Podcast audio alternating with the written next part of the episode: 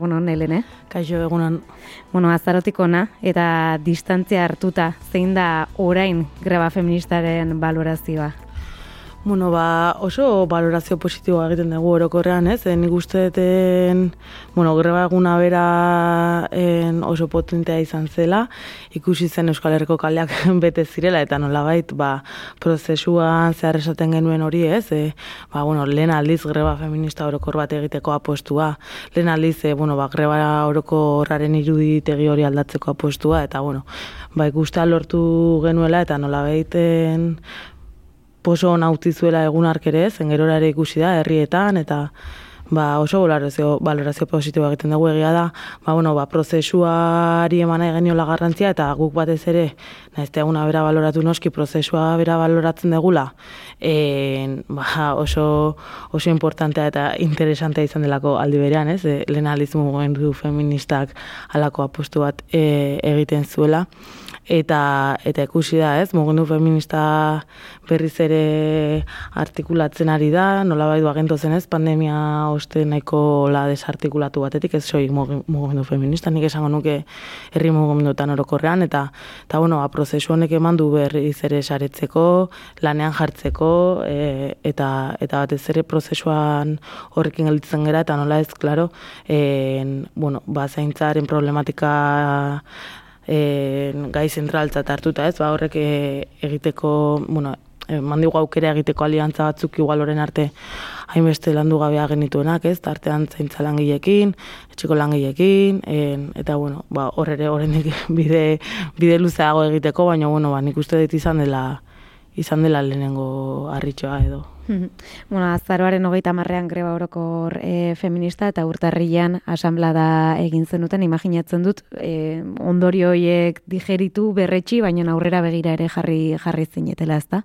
Bai, hori da, urtarriaren hogeita sortzean egin genuen e, asamblada nazionala, satea prozesu honetan bigarrena izan zela, ez, aurreko urtean egin genulako beste bat, eta ia ia irure unkide batu ginen bertan, eta, eta nik uste hori azpimarratzekoa dela, ez? Normalean greba baten ostean, ez? Norma, e, jendea igual e, deskantxatzen edo nahiko estan bai egoetan egoten delako, eta teku genuen jendea hori nik e, gogoz dagoela gauzak egiteko, ez? Eta nolabait benetan utzi duela poso bat e, greba e, feministak.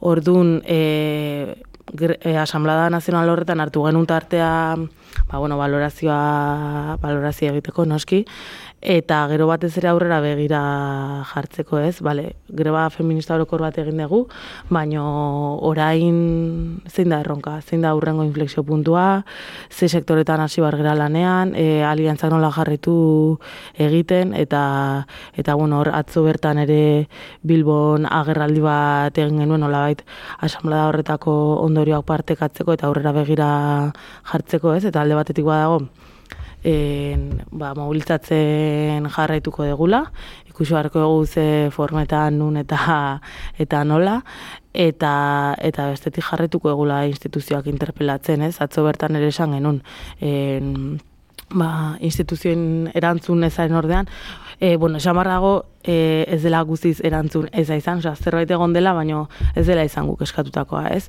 E, zehaztearen, e, eaen, e, bueno, jaso genuen lehen erantzun bat, nolabait gure eskaera bideratu zela e, berdintasun justizia eta gizarte sozialetako saiera, baina, bueno, e, ez dugu erantzunin jaso.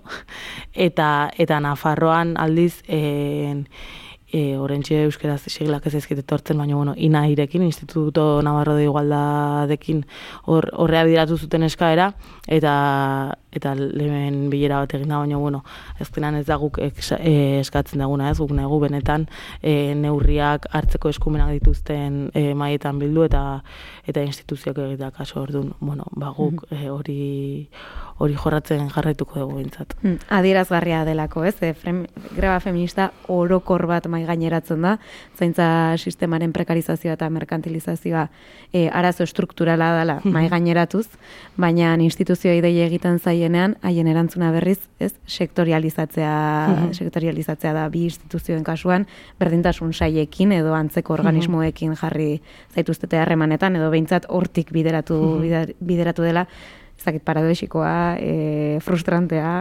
Bai, bai, da, bada paradoxikoa eta aldi bera frustrantea.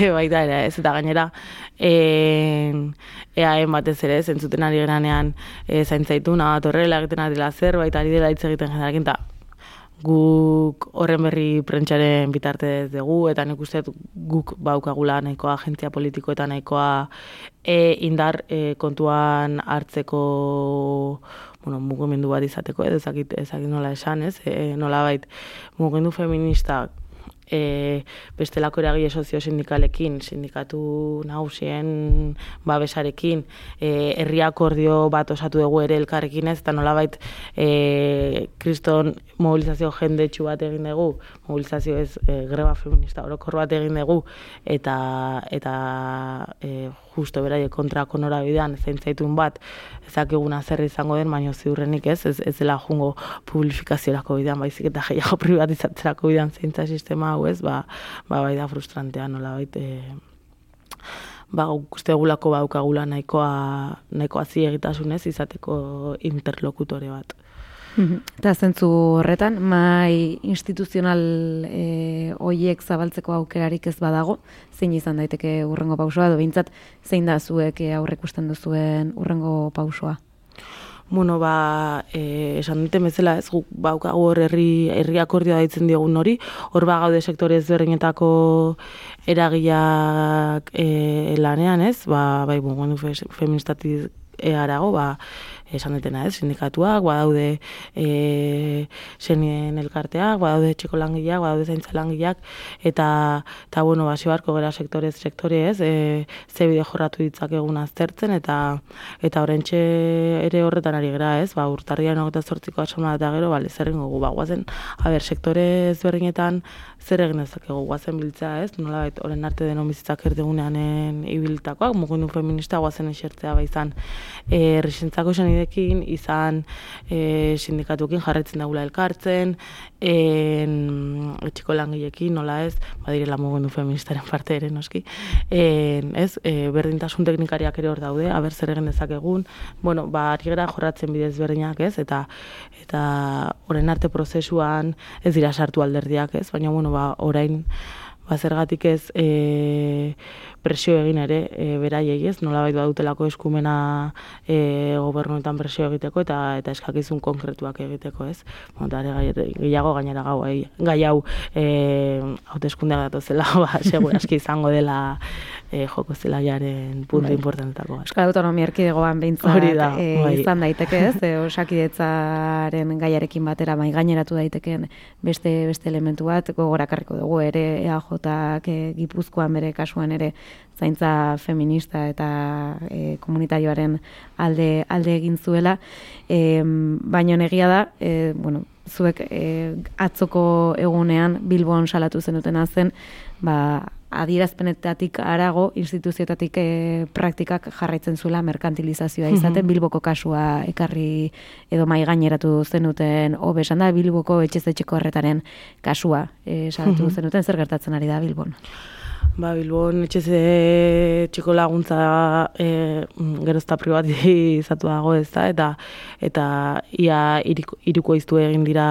e, bueno, etxe txiko laguntza jasotzeko kostuak ez, eta eta nola baite jende asko kutzi barri izan dio etxe txiko laguntza hori jasotzeari, ba, ba ordaindu, ordaindu ezinagatik ez, eta eta hori adieraz e, legarbietako bat da, ez? Nola nola on e, berez oinarrizko oinarrizko mm, bueno, eskubide edo oinarrizko behar bat izan beharko lukena publikoa izan beharko lukela, no dago bat privatizatua eta eta ba, atzoko egunan ere hori hori salatu zen, ez? Eta gainera, ez, udalak nolabait baduela eskumena hori aldatzeko, ez dela e, ezakit Eusko Jaularitza edo Espainiar gobernutik etorri barreko zerbait nolabait e, hor udalek ere badutela erantzukizuna zaintza sistema publifikatzerako bidean eta eta atzo atzo hori salatu genuen ez? Nola zerbitzu bat publikoa izan beharko lukena ba gero eta privatizatu dago gero eta jende gutxiago jaso dezake eta nola gainera behar duen jende bat uzten duzu zerbitzu hori gabe eta gero ba hor betiko zirkula, ez? Orain jende horrek zer egingo du, ba, ba beste bide merkago batzutara jo, seguraski akaso alduena beste langile bat asko zere balintza okerragoetan, e, bueno, bazkenean, ba, betikoa ez. Salatu duzen utenagatik gainera, e, une batetik bestera, e, iruko iztu egin da, zerbitzu horren kostua ez da? Bai, bai, ala da, ala da. Bai. ez dakit kasu honetan ere e, Bilboko mugimendu feministatik udalarekin, ez edo bertako udaltaldeekin edo alderdi alderdiekin hitz egiteko aukerarik izan den erreakzioak izan diren Bai, a ber, e, Bilboko mugundu feministan, ez, e, denomizak erdigunean prozesu honen baitan, ez, e, ba, bai, ari dira hitz egiten agente ezberdinekin, e, ni, esan barra dukat, nien ez Bilbotarra, eta ezakitela zehazki horren bertan ze, zeharreman egiten ari dire, baina bai, e, ba, ziur nago, ez, ate guztiak jotzen ari direla, ba, ba horri buelta eman alizateko, ez, atzoko, atzoko egunean bertan ere sindikatuak antziren, eta, bueno, ba, bada beste bide bat ere ez, alako gauzei buelta, bueltak emateko, ba, ba hortan ari dira, ba, ba mundu, mugendu feministatik presio egin, sindikatuetatik ere, eragile sozio sindikal ezberdinetatik, alderditatik noski ez, hor, udal e, gobernu talde bakoitzak ez, alderdi bakoitzak ere postura batu, eta hor argi ikusten da nork duen borondatea hori aldatzeko, eta nork ez, horrentxe bertan, bueno, bai, jota dago e, bilboko udalean ez, orduan, bueno, e, baldatu nahi baldin badu, ba, ba borondatea e, baldin badu ba, aldatu dezake. Eta e, beraz, bueno, hori bilboko kasua da, baina e, ziurraski Euskal Herri osoan zer e, begira jarriko bagina horrelako amaika adibide topatuko genituzke, e, instituzioekin edo, edo itun herriakordio horrekin egin daiteken e, lanketa nazionalaz gain, beraz ikusiko dugu e, tokian, toki eta maila lokalean norabide horretan lanetan ari den mugimendu feminista bat.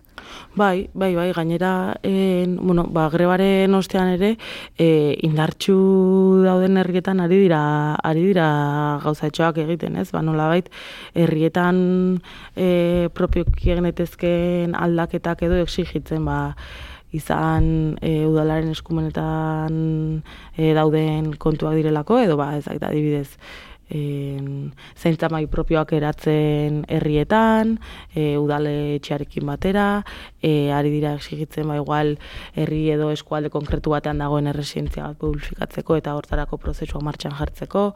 Bueno, ari dira tokian toki ari dira gauzatxoak ateratzen, ez? Eta nik uste guzti horrek ere dinamika nazional hori elikatzen duela eta eta eta ezinbestekoa dela, ez? Nolabait holako punto txikipila sortzea, ez? Eh, ba, dinamika nazional horri ere e, indarremateko eta eta nolabait zintza, osea, e, zaintza sistema publikoaren beharrezkotasun hori ere mai gainean jartzeko.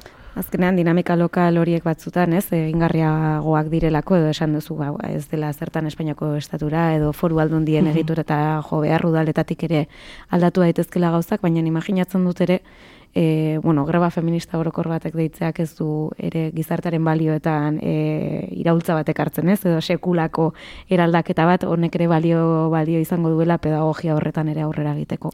Bai, noski, eta justo e, grebaren valorazioan ere, e, bueno, hasieran ez eta ipatu, baino, baino hori bada puntuetako bat ez oraindik e, kultura aldaketa horretan eta pedagogia horretan sekulako bidea gelditzen zaigula, ez? Eta eta ba lako dinamika dinamikek ere ba, ba hori elikatzen dutela eta eta bide horretan oso oso lagungarriak direla, ez? Balen Lopetegi mila mila esker, gurean izateko tartea hartzagatik eta gertutik jarraituko ditugu dinamika horiek guztiak. Mi esker zuei. Informazioaren aria, naiz irratian.